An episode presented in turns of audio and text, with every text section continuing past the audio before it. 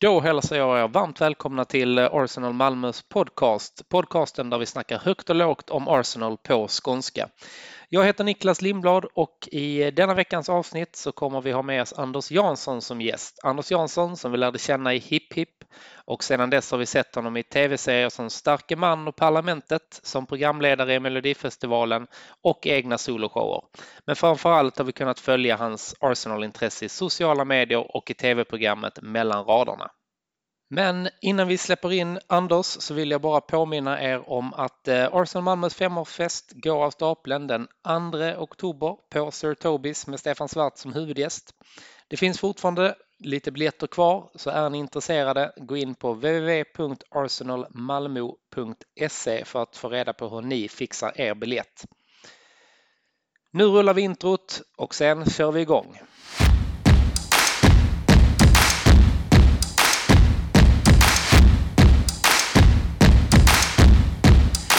The Malmo uh, Arsenal Supporters Club.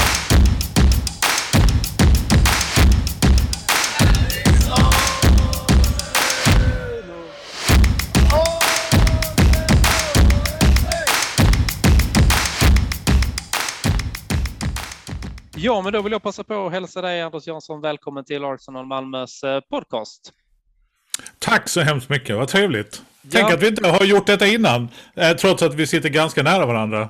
Ja, Rent geografiskt. Kulturellt är vi ju mil, flera, många, många mil. Ja, de brukar säga, vad är det, jordens omkrets minus två mil kan vara avståndet där mellan eh, Lund och Malmö. Så att det kanske är Precis. därför. Men, eh, nej, men det är jättekul att, eh, att du vill vara med här. Det känns ju bra att ta med en, eh, en skåning här så vi får in lite lundensiska i podden också. Det känns alltid trevligt. Ja, vad härligt. Jag vet inte hur många Arsenal-fans vi är i Lund. Jag vet inte om det går att få ihop en Arsenal-Lund. Det, får man, det går säkert. Men det... jag vet inte hur många vi är. Men... Nej, där är några som brukar komma in till oss ibland i alla fall. Så att då är inte Jaha. avståndet så långt. Så att, Nej. Nej, men det går, det går säkert att få ihop några stycken. Ställa dig på på Stortorget där och skrika lite. Så kommer, kommer det säkert fram någon, får man ju hoppas i alla fall. Jag ställer mig på en parkbänk. What is Tottenham? Och så bara väntar man på vilka som svarar. Precis. Ja, nej, men det går så. Nej, men det finns några, det vet jag absolut. Men mm, eh, jag mm. tänkte bara börja med att fråga dig så här. Vi har lite introfrågor alltid i början när vi har lite nya gäster. Men hur kommer det sig mm. att du bara hålla på Arsenal? Är det någon anledning? Är det självvalt eller är det påtvingat? Lite både och. Nej, men det blir väl... Jag har för mig att det var, sen vet man inte om detta stämmer, för det här är ju minnen och eh, bägge mina föräldrar är döda. Så att jag vet faktiskt inte. Men jag tror det var så här. Min pappa var journalist eh, och reste ganska mycket. Och han kom hem en dag, då hade han köpt två stycken tröjor ute i Europa. Och nu pratar vi 70, vad kan det vara? 75, 76, där någonstans, 74. Ja, någonstans där i början, mitten på 70-talet. Och då fick jag två tröjor som han hade köpt, fotbollströjor. För jag var väldigt förtjust i att spela fotboll, älskade fotboll. Alla bollsporter överhuvudtaget. Eh, då fick jag en Ajax-tröja och en Arsenal-tröja. Och då blev det Arsenal helt enkelt. Och det var ju den, troligtvis den snyggaste tröjan som någonsin har gjorts. Med bara kanonen Röd front, vita ärmar, röda border. Du vet den klassiska. Ja, jag tror jag har den i någon sån retro den den är riktigt snygg. Helt fantastisk. Det är nog min favorittröja. Inte bara därför utan rent visuellt liksom. Så att jag, jag fick den och sen vet jag inte om jag visste så mycket om Arsenal egentligen när man var så liten. Det var ju lite annorlunda på den tiden. Då var det ju Tipsextra och sådana här program som visade typ en match i veckan. Det är ju helt befängt nu när man tittar på utbud. Man kan ju nästan inte låta bli att titta på fotboll om man har streaming på något sätt. Liksom. Så att man hamnar alltid i någon Getafe mot någon annan Atletico Bilbao. Men då var det ganska ovanligt att se engelsk fotboll. Men Sverige och SVT har ju alltid haft en stor koppling till BBC och England. Liksom sådär. Men min bror, berätt, min storbror berättade, han hejar på Stoke, min storbror by the way. Skamligt. Det var, det, Skamligt. det, var, det var den tröjan han fick när pappa var ute och reste. Ja, du, jag, kunde, jag kunde ha fått någon sån Wycombe Wanderers eller något sånt. Men jag är glad för den Arsenal-tröjan. Och Ajax känns lite credit också med tanke på ja, den holländska kopplingen och lite sådär. Men ehm, då var det ju tips extra och min bror berättade för mig att jag tror att SVT hade någon deal med British Midlands TV. Så att de visade ganska mycket matcher från Midlands. Så det var väldigt mycket Aston Villa, Wolverhampton, Sunderland. Alltså många matcher med de lagen inblandade. Sen var ju de lagen kanske bättre också då. Liksom. Så de var ju kanske med och spelade i den översta ligan. Men då var det kanske en Arsenal-match var sjätte vecka. Ja. Men fördelen på den tiden var att man, det fanns inget uppsnack. Nej, det var Utan- bara rakt på. Ja, men det fanns ju ingen information om... Man kan få en laguppställning i någon tidning sådär. Men det var ju liksom inte så att... Nej, hur ska det nu gå? Hur är det med Tavares? Och sådana frågor som man ställer sig nu. Det hade man ju aldrig... Man vet, visste ju knappt vad spelarna hette. Man kunde ju några liksom. Eh, säkert Liam Brady som var en av mina första idoler. Sådär han var irländare. Det var väl lite cool och vänsterfotad. Även om inte jag är vänsterfotad. Det var någonting coolt. Det är coolt med vänsterfotade spelare helt enkelt. Um, så det var ju ganska sällan man såg Arsenal på tv. Sådär. Um, och sen har ju liksom intresset för Arsenal har ju alltid funnits där. Men det har ju tidsmässigt har det varit lite upp och ner med tanke på jobb och barn och liksom sådär. Men sen var det liksom när min son, min äldste son som nu är 21, när han fyllde 10. Då, eh, det var väldigt mycket Fifa och sådär. Och då började man ju liksom kunna titta på fotboll eh, på tv och sådär. Så då eh, väcktes liksom intresset till liv igen. Alltså ganska rejält. Jag har alltid haft koll på Arsenal. Jag har alltid försökt se liksom. Men eh, eftersom han var så fotbollsintresserad, han spelar också fotboll och är vänsterfoten. ehm, cool. så blev det liksom han och jag, ja. Och då blev det samma sak att jag köpte, jag köpte en tröja till honom. och sen åkte vi och tittade på fotboll i London och det försöker vi göra en gång, två gånger om året kanske. Mm. Så det är väldigt trevligt. Eh, Min, andra, min yngre son som är 16, han tycker det är för högt ljud. Han gillar inte att gå på fotboll. Nej, okej. Nej, det, alla är vi olika. Så är det ju. Ja, verkligen. Ja. Nej, men det är också ganska trevligt att ha ett särpräglat intresse med ett av sina barn. Mm, Ehm, så, så det började liksom, det började på 70-talet men har ju liksom kommit igång ganska rejält nu de senaste tio åren. Mm. Kan man väl säga. Ja, men det är just det, alla intressen som man har med andra är ju, är ju roligare. Har det med en familjemedlem är ju extremt roligt. Men det är väl därför sådana föreningar som vi finns till liksom och så också. Mm. Att det är roligare tillsammans liksom. Ja, och också när det går dåligt så är det någon katarsis. Jag menar, man lyssnar ju på många Arsenal-poddar. Och det är ju lite grann, halva grejen är ju bara att höra andra som lider. sätt. Det, blir, ja, men det är en ganska viktig uppgift. Inte minst nu under covid tror jag många människor har känt sig liksom ensamma på olika sätt. Och kan man då lyssna på en Arsenal-podd där man pratar om, ah, de tycker också det och det, jaha, lite olika åsikter. Ja, men känslan är ju ändå, du vet, Mm. att man liksom, man delar det där. Det där är nog ganska viktigt tror jag. Så att eh, alla ni som poddar ska ha verkligen eloge för, för jag tror det är ganska betydelsefullt. Ja, jo, man hoppas ju det i alla fall. Att, eh, att det ger någon, liksom, någonting i alla fall. Ehm, men just det där att få yppa sin åsikt eller bara höra att andra tycker lite samma och så, det tror jag är, är jätteviktigt, absolut. Eh, helt klart. Så att vi kommer fortsätta podda på här ett tag till, helt klart. Mm. Eh, verkligen. Eh, men vad har du för favoritspelare så här, genom alla tider? Liksom när det nu är, nu är vi inne i en liten dålig period och så känner du bara, nej men nu ska jag liva upp mig lite. Är det någon speciell spelare, så här, highlights du drar fram på Youtube då? Eller är det? Ja, det är svårt. Jag har alltid gillat tekniska spelare. Så att min favorit är ju Dennis Bergkamp. Och då har jag min holländska koppling också. Ehm, jag, jag var ofta Holland när vi spelade fotboll. och sådär. För, men du vet, jag har kopplingen till Johan Cruyff som var som störst liksom, när, vi, när jag var i den åldern. Och eh, så jag har alltid haft liksom ett litet öga för den holländska fotbollen på något sätt. Ehm, men Dennis Bergkamp står för så mycket eh, mer än fotboll. Han är liksom, om Wenger är liksom förkroppsligad i en spelare så tycker jag det är Dennis Bergkamp på något sätt. Det var liksom ett, när de två möttes så hände någonting, känns det som. För båda, kan jag ja, tänka men det mig. började lite där känns det som när han kom in. Mm. Han, han var nog en av de första där som verkligen förstod, förstod Wenger och lite hur, man, hur han ville spela. Ja, och har man liksom läst, eh, jag har läst hans biografi, den här Stillness and Speed, eh, Bergkamp. Och jag menar, han, kom- han åkte ju ner till Italien, men han hade ju inte alls det lynnet för att vara i Italien. De skulle ju äta middag varje kväll och umgås och vara supersociala. Han ville ju han ville bara sticka ut och springa sju kilometer och sen fundera på liksom, fotboll och vara ganska tyst och introvert. Och jag kan, jag kan uppskatta den sidan också, att man... eh, när man är på plan, alltså lite i mitt jobb när jag står på en scen eller framför en filmkamera, då är jag så jävla på liksom. Men jag kan också ha ett enormt behov av att dra mig undan liksom och sitta med mina egna tankar och bara läsa eller fixa liksom. Sådär. Så att det är någonting i Dennis Bergkamps, och sen hans som spelare, det är ju helt absurt när man tittar på highlight, alla hans passningar.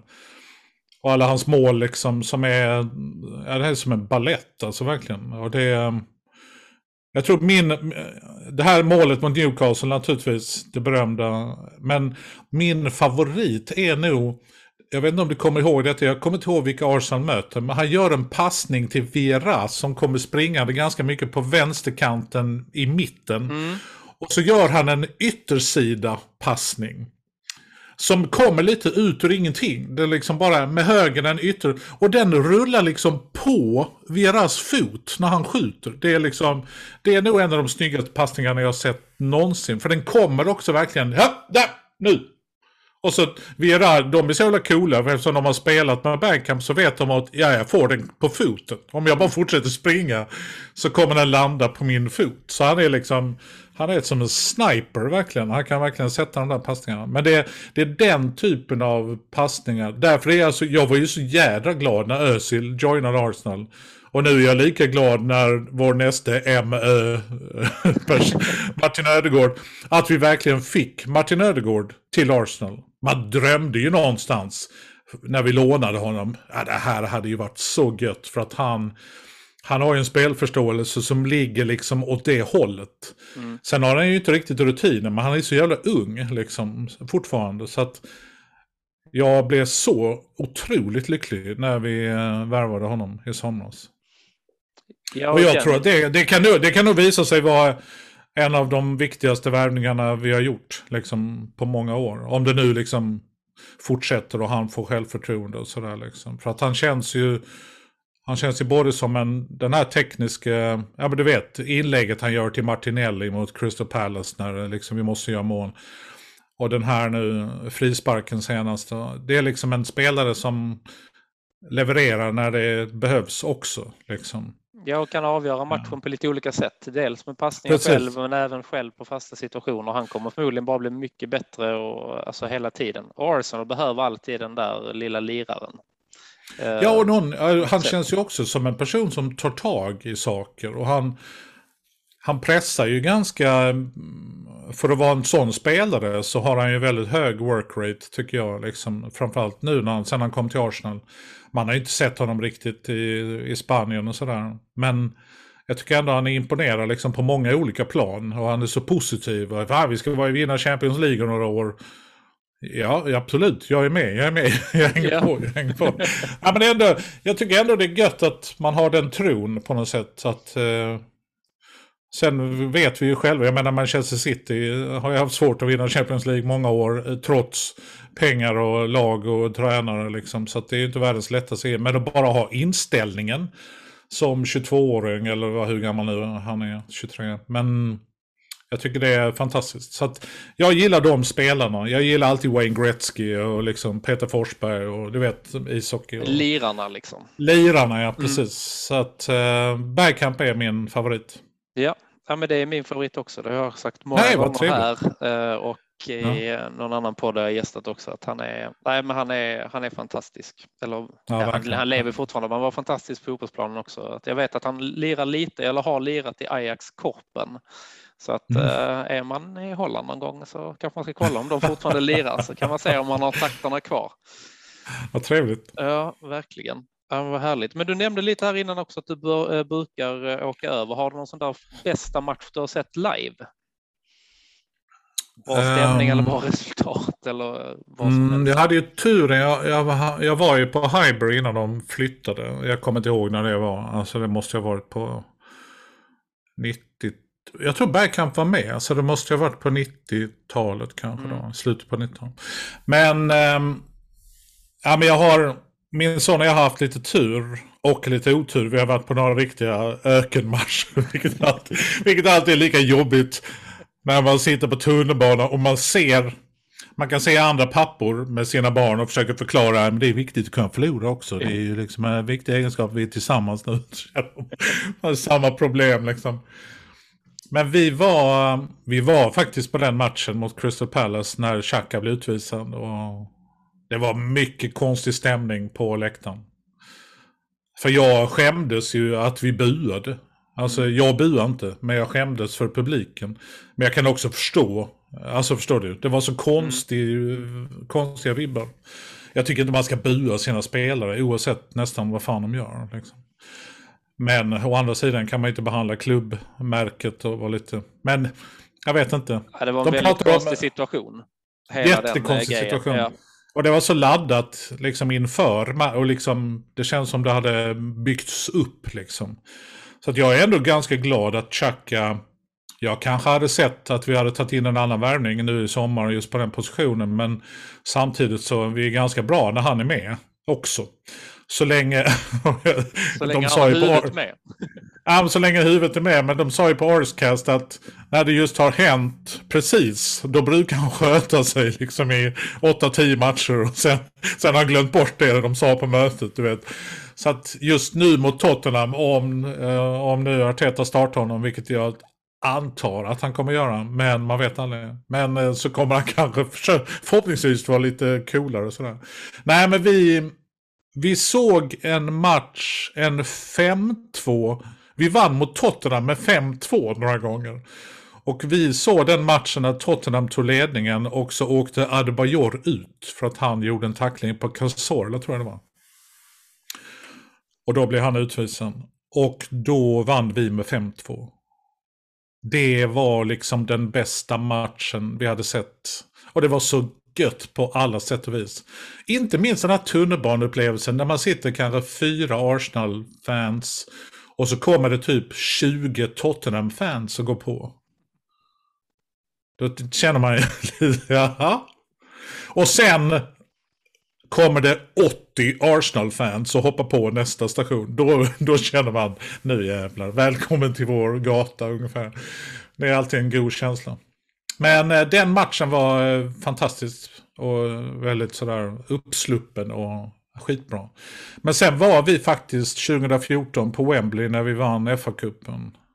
Um, ehm, och det var helt magiskt, alltså på så många olika sätt. För att um, när man ligger under med 0-2 mot Hull av alla lag. Um, och då, då, alltså det är en och jag menar, jag vet inte hur många som går in på Wembley. Det var 85 000 eller 80 000 och sådär. Och jag menar 60 000 av dem var ju säkert Arsenal-fans. Mm. Och den känslan av depression som infölls efter det andra målet. Alltså det var ju verkligen, nej vi orkar inte, vi, nej. Så när Cazorla gör mål på den frisparken, det jublet som kom där. Och då visste alla, vi vinner detta. Vi vinner detta. Även om man var nervös. Men känslan var, om han sätter den frisparken. Du vet. Ja, det var så jävla underbart. Alla kramade alla liksom. Det var total eufori. Om, om, om covid hade funnits. Om covid, covid fanns säkert på den tiden. Va? Men då hade det spridits som en löpeld över hela liksom. Eh, för att det var verkligen ta mitt barn, krama min unge och det var liksom folk, äldre människor som kramade andra äldre och det var sån jävla, och alla grät. Det var liksom sån otrolig glädje liksom. Och det, det, var, det är nog min största fotbollsupplevelse överhuvudtaget. Men det blir nog också extra tror jag just för att man kände sig, man kände sig nedslagen vid 2-0 liksom. Och sen så mm. när det vänder då blir det då spårar det ur på ett positivt sätt i det här fallet. Ja, men verkligen. Ja. Och dramaturgin, dramaturgin är ju perfekt i efterhand. Men det är Mm. jobbigt om man är mitt i. Mitt i det mår man inte bra. Det gör man inte. Jag såg den hemma eller Nej. framför tvn, alltså, men man mår inte bra då. Alltså. Det gör man inte. verkligen, verkligen. Och så frågar man varför utsätter jag mig för detta? Säger man ju varenda gång Mm. tycker jag. Och så har man sådana konstiga grejer. Ja men du, som, som min fru, kan du gå ut? För förra gången du gick ut så gjorde vi mål typ. Mm. Men så har, vi på, så har vi på puben. Vi har en, en skotte som håller på Celtic. Och när de spelar samtidigt så är han alltid så här, "Nej, men nu går jag ut och, och, och röker. Då står han utanför, då brukar det, vi alltid göra mål. Så är det liksom lite sådär halvskadigt i någon match. Så är man bara, du är du inte lite röksugen liksom så. Ja, vi har köpt cigaretter till dig. Ja, och vi är bjuder, två, bjuder. två, tre stycken som brukar köra pisstricket också, att någon går och pissar, då brukar det också bli mål. Nu senaste matchen så gick jag och kissade, då var det, blev det i och sig inte mål, men det händer alltid någonting, det var den här VAR-situationen som kom mot Burnley. Så att det brukar alltid Just det, hända oj. någonting liksom, i alla fall i matcherna. Så, att, Ja, eh, verkligen. så är det, ja men verkligen. Uh, ja, men härligt. Ja, innan vi går vidare kanske prata lite mer om Burnley-matchen så har jag en fråga som jag måste ställa till dig som jag inte hört dig eh, svara på någon gång. Mitt första minne av dig det är att jag får hem en VHS som det står skånsk humor på bara och så sätter man i den och så, och så är det hipp hipp. Eh, det var så jag liksom fick ett ansikte på dig. Eh, Ja. Men därför undrar jag vilken av hipp hipp karaktärerna liksom skulle kunna hålla på Arsenal? Oj! Vi har ju en hipp-hipp-karaktär som håller på Chelsea. Eller jag vet inte om han håller på Chelsea, men vi har ju två stycken hälare som heter Tony och Sunken. Just det. De, eh, våra mest allmänbildade karaktärer. De kan allt. Um, där är, spelar jag ju Tony och Johan spelar Sunken. Han, där tog vi en Chelsea-halsduk i kostymförrådet. För det kändes som att Sunk, jag vet inte om han bryr sig om Chelsea, men han kändes som en sån människa som kan skalla någon. Och det känns som att han skulle kunna platsa på en, på en Chelsea-match. Um, men Arsenal vet inte fan om det finns någon hippie. Vi har ju ganska många karaktärer. Så att, och de är ju ganska dumma i huvudet allihopa så det är lite jobbigt. Och, det, är lite jobbigt. det är lite jobbigt. Och, Nej, jag vet faktiskt inte. Tiffany Persson kanske börjar hälsa på, he- heja på Arsenal när, när Olivier Giroud var med. Bara för att han är så snygg. På något sätt. Så kan det mycket väl ha varit. Ja, men vi har, ju, vi har ju ganska några snygga spelare. Pablo Mari och liksom Giroud. De ser ganska bra ut. Men i så fall tycker jag att Tiffany kanske hejar på något italienskt lag. För det gör ju vissa damer. Ehm, nej, och Morgan Paulsson, han vet knappt vad fotboll är tror jag. Jag tror inte han, han, han bryr sig. Men kan det däremot vara han, fotografen där, vad heter han? Robert Flykt. Är det hans Ja. tillflykt liksom när han får nog av Morgan Paulsson? Absolut. Då bara går han Absolut. till någon bar och kollar. Helt- Mitt i Ja, natten tar i Thailand liksom. Ja, absolut. Exakt. Han får tv-tid. Han kan sitta och han kan sitta in i redigeringen och kanske lägga upp en, eh, någon konstig satellitkanal. Sånt. Nu hejar ju Johan som spelar Robert Flykt. Han är på Liverpool. Så att ja, det är ännu bättre. Så att en av hans karaktärer. Robert Flykt hejar på Arsenal har vi bestämt nu. Då fick vi svar på det. Yes. Ja, men vad bra. Den har jag legat sömnlös över länge kan jag säga.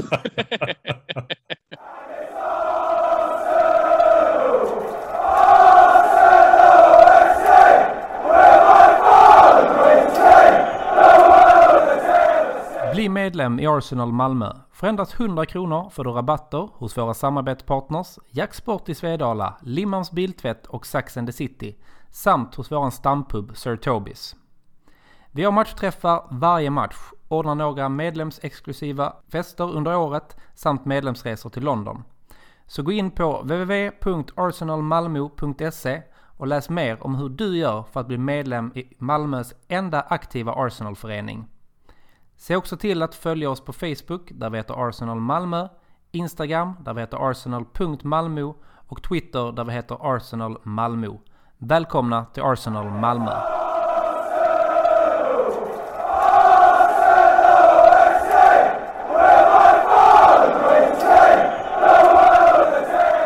Eh, men eh, vad ska jag säga, såg du matchen mot eh, Burnley? Ja. Ja, vad tyckte du? Um, Ja, men jag tycker så här, jag tycker att först så tyckte jag det var ganska modigt av Arteta och ställa upp det laget. Han har ju varit lite konservativ tycker jag. Um, och inte så bra matchcoach heller. Vid gäller byten och att påverka matcher och sådär. Utan det känns som att han lär sig verkligen på jobbet. det är lite grann som att åka buss med en busschaufför som precis har fått körkort. Det är lite grann den jobbiga känslan. Man sitter på bussen. Ja, jag har precis fått körkort. Det blir roligt nu. Håll i er. Den känslan. Ja, kul. Och så håller man i sig för livet ungefär. Um, nej, så han har varit lite konservativ Arteta eh, och han har ju dragits med ganska många spelare som han själv inte kanske velat ha. Så att klubben... Jag försöker ju ha lite perspektiv, men det går ju för fan inte när man tittar på matchen. Det går ju... Och problemet med fotboll är man måste ha perspektiv, men det måste också funka nu. Liksom. Um, och det är det som är den svåra balansen när man inte har resurserna som Chelsea och City och United har. Utan vi, vi liknar ju mer liksom Liverpool och Tottenham om man nu får säga det. Men är ju liksom den ekonomiska, även om vi har lagt ner mycket pengar just i sommar. Men jag gillar ju ändå den modellen som Arsenal försöker någon slags... Eh, det blir men nästan hitta, vull, Ja, hitta unga som ändå är lite i samma ja. liksom, ålder som kan växa tillsammans med laget så att vi får ha kvar Precis. dem. Och bygga ja, och liksom lag, lagom länge. För att jag menar, man måste också se spelaren som investeringar. Och är de så duktiga så att de kan gå ut. Ja, men då måste man vara som Leicester och Dortmund och de lagen, Atletico och sånt här som, som kan. Ja, vi säljer vår, våra två bästa mittfältare. Men det är så mycket pengar så vi kan köpa andra positioner. Du vet. Mm.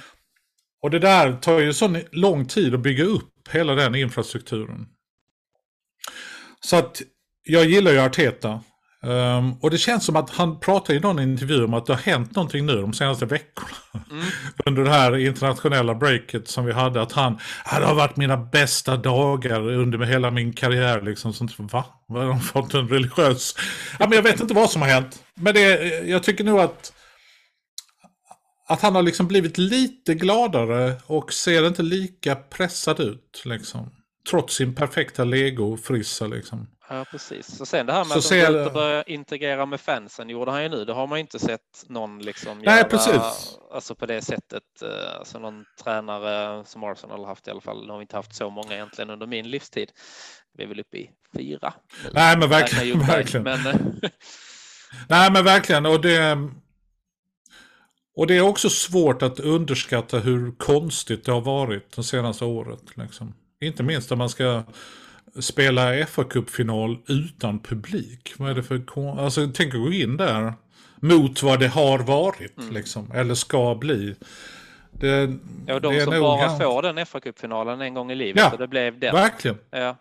Verkligen. Ska man, berätta, berätta för barnbarnen? Ja, jag vet, jag har spelat fa Cup-final. Ja, oh, det måste varit häftigt. Nej, det vet, det var det året det inte var någon att titta mm. på den. Liksom. Ja, men verkligen. Ja. verkligen. Unikt, men mm. på, fel sätt. på fel sätt. Så att jag, jag har ganska mycket tålamod med Arteta.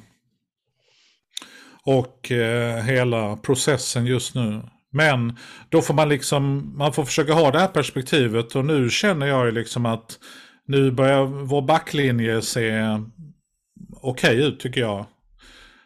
Um, och det finns en tanke bakom liksom. Och har man dessutom Saliba som ju levererar mer och mer för varje dag borta i Frankrike. Han kan vara på ingång, kanske redan i januari verkar det som att de ska plocka hem honom. Så känns det ganska bra. Ramsdale var ju en sån människa som många fans eh, på Twitter där jag har ganska ivriga diskussioner och jag försöker hålla fanan högt verkligen och försöka plocka fram.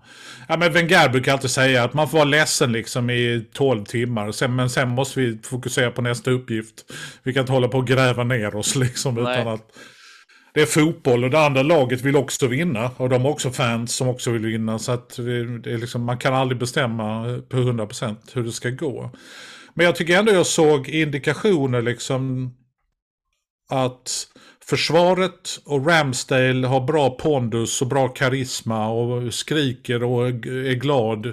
Leno är ju ganska, han är ju som Manuel, Manuel Neuer fast utan pondus på Mm. något sätt. Ja, men lite så. Ja, jag, jag tycker Leno är skitduktig som målvakt, shotstopper och sådär. Men han har ju ingen närvaro i straffområdet. Verkligen. Han ser ganska rädd ut alltid, tycker jag. Ramsdale, du vet den lilla grejen han gjorde mot Norwich. Och när han drar den lilla dragningen. Mm. Där blir man ju, åh vad kul, fy Ja. fan ditt as. Sluta med det sånt skit. Men hade det varit Leno som hade gjort den så hade, ju säkert, hade vi ju liksom släppt in ett mål i sekvensen efter känns det som. Ja men exakt, exakt. Ja. Och där ser man ju, det var någon sekvens. Ja men du vet när vi mötte Burnley senast. Och Xhaka sköt en Burnley-spelare i bröstet så att bollen gick in. Det var en liknande sekvens nu när Ramsdale skulle passa till Thomas Partey. Precis mellan två anfallare. Och, då, och när han gör det så pekar han ut på Tommy Yasu eller vem det var som var som skulle ta emot bollen i nästa läge. Och ett sånt gör ju inte Leno. Alltså. Ram, så Ramsdale hjälper liksom. Ja men passa ut där, ut där, ut där. Så när man tar emot bollen så vet man redan att han har kollat. Ja det finns en lucka här nu som jag kan slå bollen. Ja, men han är duktig schackspelare sådär, ser några steg Mm. framåt liksom nästan. Ja men verkligen. Ja. Ganska pri- pricksäker med sina utsparkar också. Så att jag, jag tycker någonstans att eh, grunden i Arsenal, vår liksom ryggrad i mitten, börjar se ganska bra ut. Sen är det ju stora problemet att vi gör, vi gör inte fler mål. Men man har också, erfarenheten visar ju ändå att det där brukar lossna. Mm. Eh, sen kan det vara torrt ett tag liksom, men Men jag tycker 1-0 ändå Aubameyang... Vad sa du? 1-0 är alltid tre poäng. Ja, jag vet. Jo, Ja. precis. Och, någonstans så är det, det är ju resultaten som är viktiga nu. Mm. Och eh, vi får ta det där andra när vi har lyck, lyx och råd och, liksom, och tycka att det är, åh vilket snyggt mål, liksom, när man leder med 4-0. Liksom, Mm. sådär. Men just nu är det ju resultaten som är viktiga att komma in i det där. Och Arteta, det gäller ju inte bara spelarna, det gäller ju Arteta också. Att han också känner självförtroende i att ja men nu levererar vi så kan han andas lite och så kan han våga lite och sådär. Och det blir ganska spännande imorgon att se vilka som får spela. Um, antagligen ganska många unga och avbytare och sådär som ska få lite tid. Så att man liksom också kan inför Tottenham-matchen våga, ja du vet, ta en chansning på något ställe. Jag tror i och för sig att laget kommer se ut exakt som Som vi mot gjorde nu senast. Mm. Ja. Jag tror inte det är många stora förändringar där. Det tror inte jag heller. Men som sagt. Nej, imorgon- kanske, position, kanske i positionsspelet sådär. Mm. Men, eh, nej, så att jag, jag tyckte att 1-0 är aldrig roligt. Det är eh, ganska jobbigt att leda med 1-0. Men det är värre att ligga under faktiskt. Ehm, jag tyckte ändå att Arsenal, det var ju några farliga chanser. Och de har ju klagat på planen och sånt. Så att, och det, mm, jag vet inte. Men det känns som att Burnley, Burnley är ju den där, äh, när man möter någon i boxning, den som kastar sand i ögonen och den som sparkar och biter den i örat. Och sånt. liksom, när man själv kör den här gamla pugiliststilen från 1800-talet. Så de tar ju till alla knep de kan liksom. Och sen ser ju Sean Dyche ut som min bro, halvbror ungefär. Så att vi är ganska lika. Ehm, på ett obehagligt sätt. Men eh, så att det är alltid gött att slå Burnley tycker jag. Eh, för de har ju blivit lite det nya Stoke på något konstigt Mm. sätt. Ja, absolut. Att det är mycket, du vet deras tacklingar och nu när domarna har fått eh, tillsagt dem att ja, men låta spelet gå, stör inte för mycket. Jaha, men om inte den heter Chaka som tacklar, då kan ni ge röda kort. Ja. Lite så. Jag kan tycka att de dömer lite olika beroende på liksom vilket lag, vad laget har för profil liksom Ja, nästan. faktiskt. Och lite vilken spelare Ehm, också. Det märker man ganska ja. tydligt också. Så att, eh, Nej, så att jag, eh, jag tyckte Saka hade ju en off day liksom. Och Ben White, han, han måste träna på passningarna. mm, Ramsdale gör ju en mirakelräddning där. Alltså det ja, den är. Att, det inte, att inte det blir straff liksom. Då räddar vi ju två poäng Ja. med bara hans agerande. Så att Ben White var väl lite, även om han hade tydligen fler, clear, alltså han, han vann fler headers än Gabriel. Mm. Men det var lite, han, han kändes lite osäker och liksom, han väntade lite väl länge med sina passningar. Liksom. Mm. Han, var, han var laid back på det där sättet som Maitland Niles kan vara laid back. ja, ja, precis. När man Bara- känner att passa nu för Mm. fan. Liksom. Ja, nej, och sen kom... till. Ja, ja men verkligen. Så att, Saka hade ju inte världens bästa dag. Pepe hade ju inte världens bästa dag. Sådär, så att, men vi var ju ganska nära. Men det var ju den här sista passningen i Mm, sista i tredjedelen. Som nej, lite för långt bakom. Han fick den bakom sig. Mm. Hade han fått en sån backcamp-passning i det läget då, Ja, hade, ja. Vi, då hade vi vunnit med 3-0 tror jag. Och Smith Rowe hade något supersunkigt skott i början liksom Mm. med vänstern. Ja, och sen det Så där snett inåt bakåt får han en rätt bra chans också tror jag. Med hans högerfot Ja. att sätta in. Ja, precis. Sen- precis. Aubameyang tyckte jag var lite svag också. Han hade man velat se lite mer, uh, mer geistform. Liksom. Det känns som han hänger med huvudet lite just nu. Jag vet inte vad det är. Ja, alltså jag tyckte han hade bra energi när vi spelade um, mot Norwich. Mm. Alltså jag tycker ändå att han har, um, kroppsspråket har varit ganska bra. Men uh, sen, han blir väl så när man inte gör mål. Alltså du vet, han störs väl också av liksom, det faktum Att, att han inte kommer vidare. nej. Men, eh, Så nu undrar ju alla fans när han kommer starta bilen på, i helgen. ja, Så att han hinner. Så att han hinner. Kommer i tid. Så att det inte blir nöta bänk på, på söndag. Nej, herregud. Ja. Nej, så jag tyckte, väl, jag tyckte väl att det var tecken på, vi rör oss sakta men säkert uppåt. Men vi måste börja göra mål så att inte Ramsdale och hans gäng där bak måste hålla nollan. För att det kan ju slinta in en, ett mål av misstag. Du vet, studsa Ja, ja. på någons ben eller liksom. Absolut, och nu är det ju Norwich och, och Burnley vi har mött. Och det kommer ju tuffare uppgifter eh, framåt liksom också. Och vi måste ju hålla fokuset. Det såg man ju liksom i de tre inledande matcherna, eller framförallt de två sista där. Och när det är de bättre lagen så kan man inte spela så lojt som, som vi gör och så pass dåligt passningsspel. Då, då rinner det iväg ganska snabbt. Men eh, det är bra att få upp självförtroendet. Alltså 1-0, 1-0, det är tre poäng och de får lite arbetsro och känner att precis. Peter Så som du liksom sa man- sig glad och att det känns bättre så då är det bara att gå vidare på den känslan. Ja, och nu har han ju, nu kommer ju lagfotot ut här idag eller igår. Ehm, och nu är det detta laget vi har. Mm. Liksom. Ja, och det är ju bara att jobba efter de förutsättningarna som finns. Det, Jag tycker vi har gjort jättebra värvningar i sommar. ja, men det tycker jag också. Helt, helt rätt profil liksom. Mm. Verkligen hittat rätt. Och jag tyckte man märkte också när han tog in Maitland Niles. Maitland känns ju nu som en, den här ungen i familjen som har tjatat sig till glass på något sätt. Aha, och så lägger ut på Instagram och skit. Lägg av med det. Sluta. Men jag, jag tycker ändå att han har gjort ganska bra ifrån sig på mittfältet. Så när, de- jag tror att han bytte in honom och Sambe Lokonga samtidigt. Mm, det var ett dubbelbyte där ja. Mm. Eller åtminstone nära. Och Ja. när de kom in så då hade de så mycket fysikalitet så att Burnley orkar liksom inte. Utan de, nej jag tar bollen från dig nu för att jag är mycket snabbare och mycket piggare. Liksom. Mm. Så att, och då, det var ganska coolt tyckte jag. Istället för att bara sätta in försvarare liksom. Ja, och Utan att stänga han- liksom. Ja, precis. Så satte han in att vi, nej nu kontrollerar vi mittfältet så nu får de inte tag i bollen. Liksom. Mm. På samma sätt som de hade ju en period där det var lite farligt, liksom, Mm. Burnley. Och de har ju ganska duktiga avslutare i Wood och Barnes. Ja, och rätt duktiga på fasta situationer är de också. Så Mm, att, eh, där precis. kan det alltid bli farligt när man möter dem känns det som.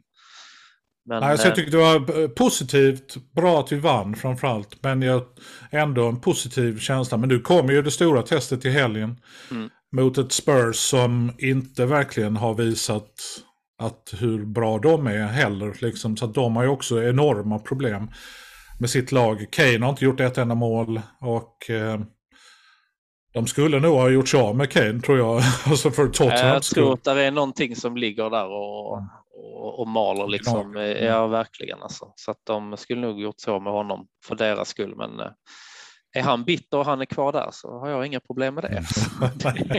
Men sen vet, sen vet man om att det är Tottenham Arsenal. Det finns ingen statistik som funkar på de matcherna. Nej. För att när man är som sämst. Jag menar vi har gjort några sådana matcher mot Tottenham där vi har vunnit. Trots att vi hade förlorat de fyra dessförinnan. Du vet, Mm. det händer någonting när Ja, de spelar mot dem. Ja, men i derby så finns det ingenting och ingen vetenskap eller statistik Nej, eller nej, någonting att, luta sig mot. Det är ett oskrivet blad varje gång. Och det är det som gör det roligt, men det är också det som gör att man går och är nervös typ hela denna vecka. Mer eller mindre. eller tänker på det i alla fall. Eller jag gör det. Jag vet. Jag mår Jo, inte, jag vet. man, man vet om att man klarar av att hantera en seger. Det är inga problem, för det är bara gött. För man vet vem man ska ge sig på ungefär. Och du vet, du vet att du klarar av vad som helst, men du vill liksom bara veta vad, Det är blir, ovisshet, det är ovissheten Ja, som, som dödar oss. Ja. Men det, det är ändå, jag, jag har ändå någon typ av förhoppning. Alltså det viktigaste med att vinna denna matchen, dels för laget naturligtvis, men lite grann för publiken. Nu är vi hemma och ska möta Tottenham och det har gått lite knackligt. Men vi, fansen visar ju stor kärlek, alltså på bortamatcherna och i alla matcher tycker jag.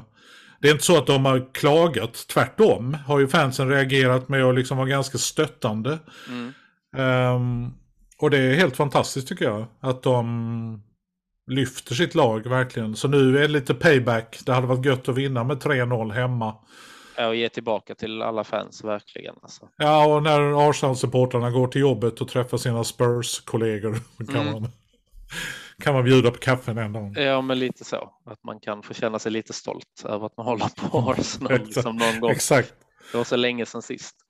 Nej, men, det, nej, men jag hoppas att det blir någonting sånt på söndag. Men, det har, men som sagt, ingen av lagen är bra just nu. Jag tror inte det kommer bli någon bra fotbollsmatch. Alltså. Det kommer nog bli Nej, det lite... kommer nog bli fighting. För Ja, det tror jag också. Alltså.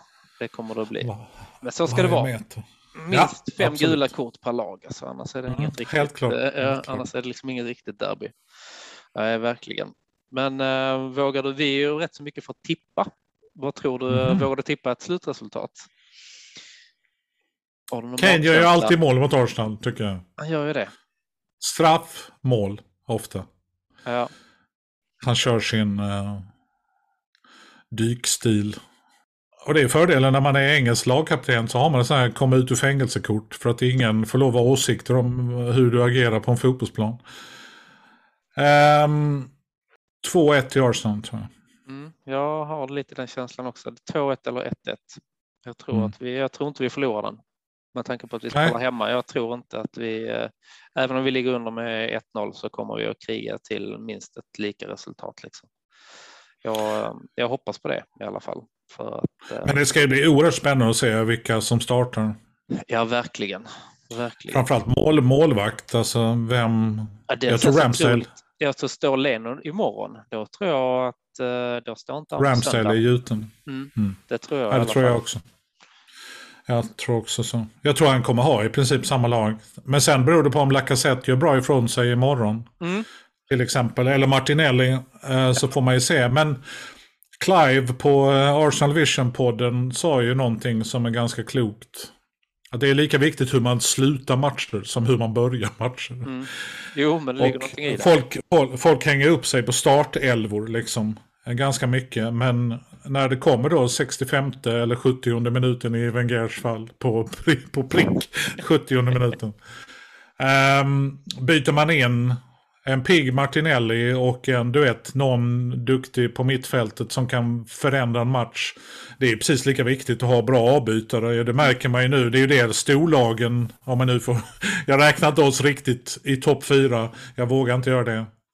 Men eh, om ni har sagt att vi kommer trea, jag hänger på. Nej, Jag är ja, helt det var inte jag som sa det. det var Nej, jag men någon- det, ja. Men du är ansvarig utgivare så att du, du, du, Jag tar, du, får inte, du får inte klaga på dina spelare. Nej, att, precis. nej, men om man nu tittar på United och... Men United lyckas ju ändå förlora mot Young Boys, vilket Ja. ju är... Det visar ju också hur fotboll är liksom. Men det är en bra framspelning de gör till det 2-1. Ja, jo, i och för Den är sig. magnifik alltså. Men sen eh, Lingard gjorde ju... Han fick ju pluspoäng i förra matchen. Ja. Ja. Men eh, det är djupet i trupperna de har. När man tittar på Chelseas bänk. När man kan slänga in Kanté och Ziyech och liksom du vet. Det är ganska bra liksom, reserver. Sådär. Ehm, jag tror Chelsea ser farligast ut i år. Mm. Ja, vad jag har sett de- hittills så är de mest kompletta. Ja, precis. Och eh, Tuchel är också en bra matchcoach. Han är ganska liksom driven.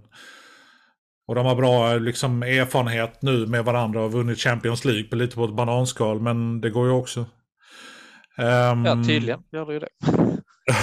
de Men eh, så det är väl mer att eh, det ska bli spännande att se vilka vi har på plan. Om Party, han verkar ju vara liksom, jag vet inte, han orkar inte mer än 70-75 minuter. Så. Nej, det är synd alltså för att han är, han är bra att ha i många del så kan han spela, men han kan också liksom trycka till. Alltså så, och vara mm. den där lite, lite jobbiga jäkeln att möta. Så att, uh, han vill man ju ha hel alltså, denna mm. säsongen hela tiden alltså.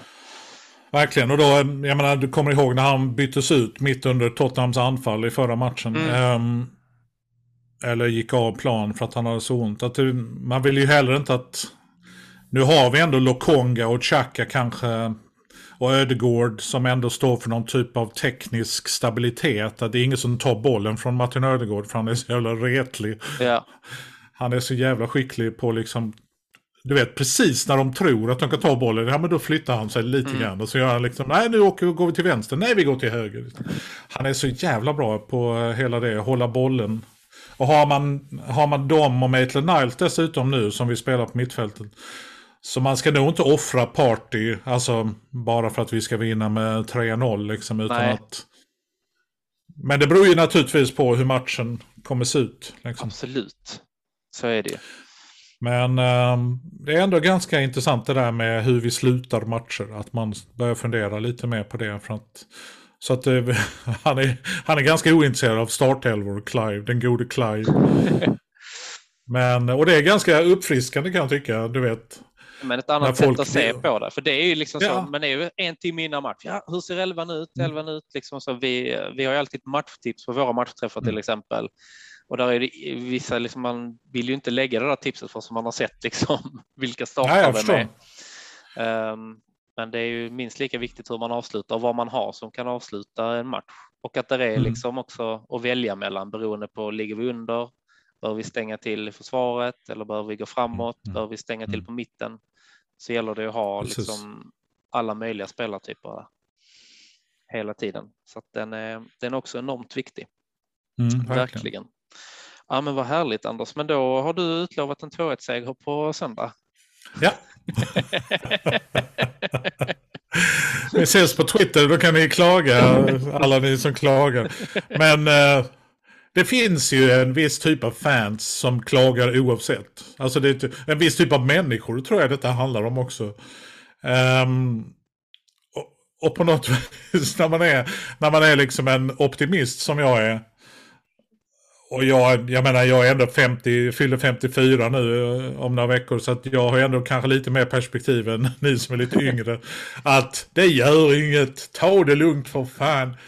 Eh, skit en match det. till. Ja men nu löser vi detta, det ordnar sig. Ja men det finns någonting i det där liksom att Självklart är det superviktigt och att man ska vinna och så. Men jag kan någonstans Jag kan Ja, nu har vi varit på botten. Alltså rent bokstavligt talat har vi mm. varit på botten. Ja, ja, vi har varit på botten. Av Premier League. Ja. Och om man nu ska göra den här Amazon-dokumentären som mm. ingen verkar ha godkänt utom... um, eller som ingen känner till. Sådär. Jaha. Um, då är det väl bra att börja på botten och sluta mm. på toppen ungefär. Liksom, ja. Så att vi, den här resan... Bra, bra manus jag kan tycka det är ganska intressant att vara med om denna resan vi gör just nu. Med de unga spelarna och vissa som kommer sluta nästa sommar. Jag menar Len och Aubameyang och Lacazette mm. kanske försvinner nästa år. Och sen, det var roligt att det var på lagbilden så var det det övre högra hörnet. Det var de fyra. Det var typ Kolasinac och, och El Neni och Enketia som stod där uppe. Det var verkligen så man kunde skära ut. Um, så att gör vi oss av med ytterligare några spelare sådär som egentligen inte hör hemma i klubben längre, alltså rent spelmässigt. Och så kommer vi kanske få in lite nya värvningar i januari och nästa sommar så kommer vi ju liksom bygga ett lag. Sakta men säkert. Om nu Ödegård kan få hit Haaland till exempel. Det hade ju ja, varit det hade varit Då hade Arsenal blivit riktigt stora i, uh, i Norge också. Fast där vet jag, där har de faktiskt en eh, pub som heter Highbury tror jag, där det samlas lite Arsenal-fans. Jo, men de är, ganska, de är ganska trogna Premier League, norr, ja, norrmännen. det är de faktiskt. Men det är lite um, också där som du är inne på i supporterskap. Man får ju välja. Jag tycker det charmiga med att följa ett lag, det är också att man får vara med i de här upp och nedgångarna.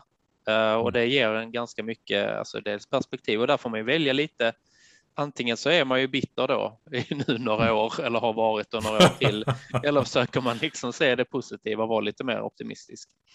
Eh, för att överleva. Det känns som det är en överlevnadsteknik nästan. Och Ja, men verkligen. Hitta de positiva grejerna istället.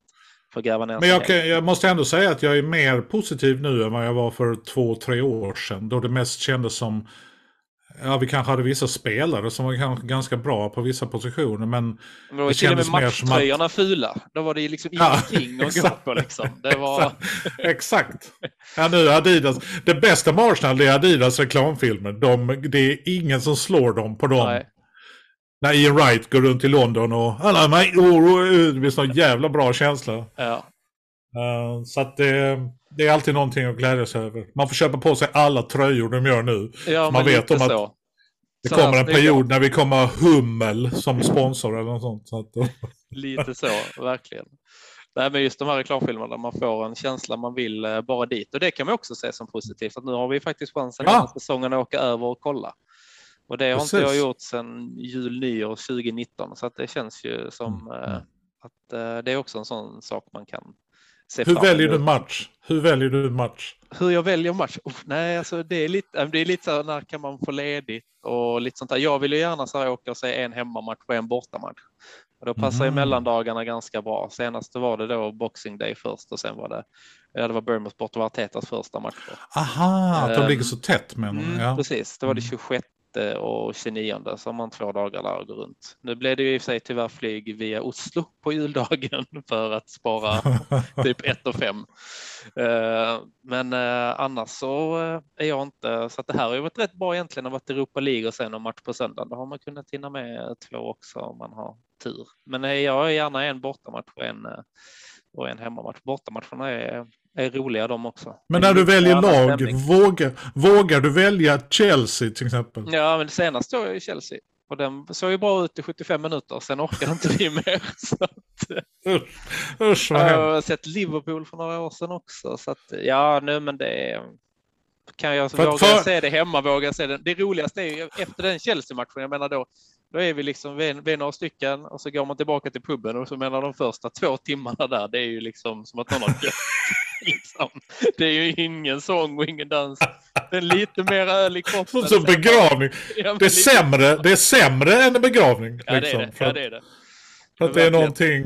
Men sen tar det liksom... Det är, precis, det är som om, om man- jämför med en begravning, det är som att denna människan kommer dö nästa helg också. Ja, det är den det- känslan. Det är Det är den, den har dött, men det kommer också dö En gång två, till. tre helger, ja, flera han, gånger. Han återuppstår på onsdagen och sen dör han igen och igen och igen. Så vi måste genomlida detta hela tiden. Ah, herregud. Men sen blir det, sen går det någon timme, man får väl lite mer öl i kroppen och sen är det ganska så god stämning eh, igen. Liksom. Man får, eh, så, vi kommer på, det var väl en match för fem år sedan som var ganska bra så blir det liksom ändå hyfsat god stämning.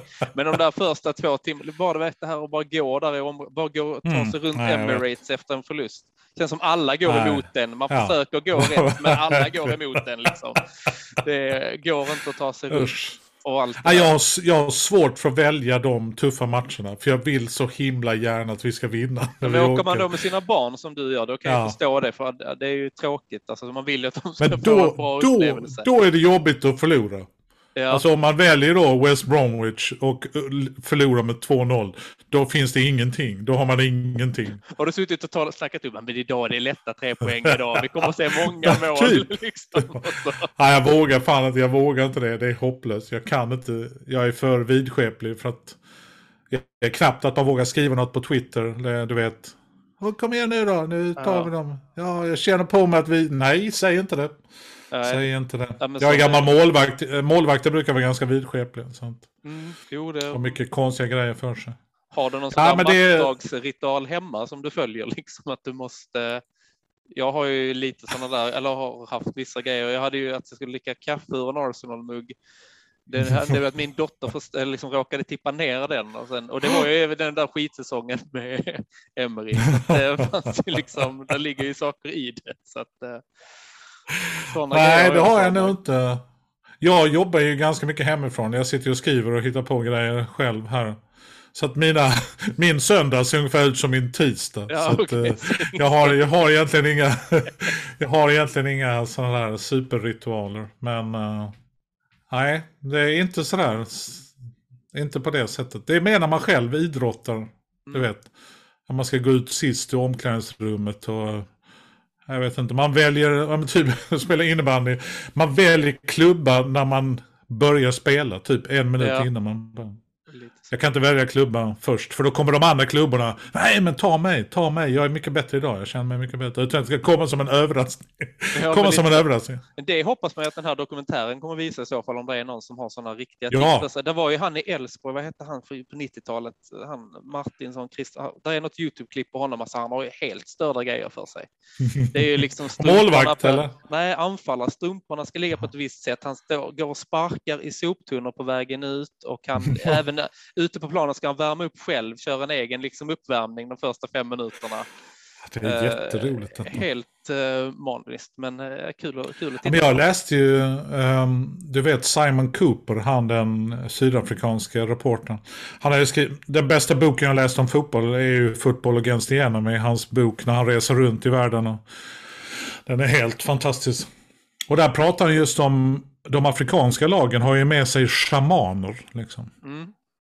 Som typ ska kasta en förbannelse på det andra lagets omklädningsrum. Alltså det är verkligen, ja men vi har med materialförvaltare och de har ju med någon voodoo-präst liksom. Det är skitcoolt. Så att sån, en sån kanske Arsenal borde, istället för en inkastcoach, så kanske vi borde skaffa någon, Ja. Thomas Partey kanske känner någon, eller någon från Gabon eller något ja, sånt. någonting. Eller Rwanda eller någonting sånt där. De kanske också Ta känner med, det. ja varför inte? Ja. Det var ju så kul också när presidenten där uttalar sig. Nu har vi sponsrat er på era tröjor och ni spelar skit. Så kan ni snälla ta tag i er själva. Landet. Rwanda vill inte längre ha med Arsenal att göra Nej, om inte ni kan göra mål. Liksom. Nej. det, nej, det var liksom då... Nu har alla åsikter om Arsenal känns det som. Ja men verkligen. Nu är vi liksom nu. Det är liksom på toppmöten i FN nästa vecka. Detta kommer upp att gå. liksom så här. Så, Joe Biden uttalar sig. ja precis. Ja men det där är ganska intressant när man, är, när man är aktiv på Twitter som jag är, kurs kring matcher och sådär. Så finns det ju, vi är väl ett gäng på 30-40 Arsenal-nördar som man känner igen liksom. Men kommer det in någon Tottenham eller någon United och börjar klaga på Arsenal, då blir man ju, vad fan gör du här? Fuck off. Mm. Liksom det, Försvarsställning. det, här är inte, det här är inte ditt jobb. Vi kan klaga, vi kan klaga på Arsenal. Alltså verkligen. Men det, det märker man ju när man själv skriver in någonting om United. Oj då vad lätt Bruno Fernandes trillar. Han har ju enormt lätt för att trilla. Ja, så, och då, kommer det direkt tio stycken. Ja, det är faktiskt Arsenal också, folk som filmar och du vet. Och det finns någonting i integriteten att Ja, det är skitspelare, men det är våra skitspelare, så vi klagar på dem på något Mm. sätt. Ja precis. Det är lite den, så är det nog med alla klubbar tror jag. Bara att, vi eh, som har rätten att klaga på våra skitspelare. Liksom. Ja, men lite Ja. så. Och, men man kan bli ganska ödmjuk tycker jag när man pratar med en support, om man pratar med någon som hejar på Chelsea, om Chelsea. Alltså att Mm. man är lite nyfiken på hur, hur känner du liksom nu? Då inser man ju att vi är inte ensamma med våra problem. För att till och med Liverpool och sådana här lag tycker att ja men varför har vi kvar honom och varför kunde de inte lyckas bli av med Origi eller varför, du vet. Mm. Och vi är lite känsliga. Ja, det är bra att vi har fixat honom, men jag är fortfarande orolig för detta. Du vet, alla har ju liksom liknande problem och det är ganska uppfriskande ibland att få höra andra klubbar som också har, som också har problem. Även om det till synes går ganska bra så kommer de ju också dippa. Det vet Ja, man. ja.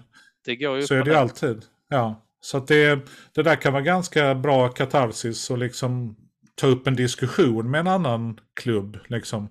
Inte klaga på varandra utan mer fråga hur är det med er, vad tycker ni om detta och hur ser du på Arsenal liksom. Mm. Du vet, för att vi tar, ja men fan ni har ju Saka och Smith Rowe och Ödegård, er front, ni är ju livsfarliga framåt. Ja, Ja, precis. Eller jag framtid ser ljus liksom. ut Ja. eller någonting sånt där. Så men precis, Ja, precis. Så Hemmablind. Ibland, ibland blir man lite hemmablind och så ser man bara alla felen. Liksom. Mm. Så att ibland, eh, och det är återigen perspektiv, perspektiv på, precis. på tillvaron. Att, det kommer bli bättre. Och när Aubameyang slutar så kommer vi ha en snittålder på 22. Mm, helt plötsligt, bara Han- sådär över en Han, dag. han är Bara-. Han, han och Lacazette drar upp snittet ganska rejält. Ja, det gör de. Verkligen. Det är inte så många Mm. över 30 egentligen, alltså i hela truppen. Är, Nej, PP är väl 27, 28 sådär. Party är väl där uppe också. Men annars är det ju under 23 i Mm. princip på resten av det. Det är helt fantastiskt. ja, det är faktiskt. Och det är inte, det är inte bara 23-åringar som inte har gjort någonting. Utan det är ju Lokonga har ju varit kapten i Anderlecht. Och du vet, han, han tar ju för sig. Ramsdale har ju både varit uppe och nere liksom. Mm. Och han spelar vi dessutom för Wimbledon som vi möter imorgon. Ja, precis. Det var då han fick tvätta sin egen fotbollströja på Mm. kvällen. Ehm, så att vi har ju haft spelare som också gått igenom alltså, resor och liksom Mm. turer. Och det, det tror jag bygger karaktär liksom. Ödegård, jag menar titta på hans ålder. Jag vet inte när han kom till Real Madrid. Han var 16, 17. något sånt där. Ja. Absurt liksom. Mm. Men så mycket han har spelat både i Holland och i Spanien. Och, Jag har lärt sig från att spela med de bästa och liksom, han har ju fått en ganska Exakt. så bra utbildning och sen är det kanske Arsenal som får ta del av hela den utan Mm. att ha investerat Ja, så mycket både tid och pengar. Liksom. Men det har ju, vi, har, vi har gjort motsvarande med vissa spelare. Gnabry och sådana här. Jo tack, det har vi ju. Så att, eh, det går väl runt det där också. hans, han har bara ett år kvar på sitt kontrakt nu så att det är många Mm. som skriker där. Ta, in, ta tillbaka honom. Ja, För verkligen. Det hade ju varit jävligt coolt. Men, Ja, det hade det verkligen varit faktiskt. Men det är Nej, många, hopp, eh, många spelare har ju bra att säga om Arsenal, även de som, alltså jag menar när Bayern slog, eh, slog eh, Tottenham där ganska rejält var det väl i Champions League så skriver ju han North London is red och, och så. Så Mm, det är många som ändå precis. har, hjärtat. ja men lite så. Och att man liksom, nej, men att man har minst tiden som man hade i Arsenal ändå som bra, hur, den än, Mm. hur man än gick vidare efteråt. Mm.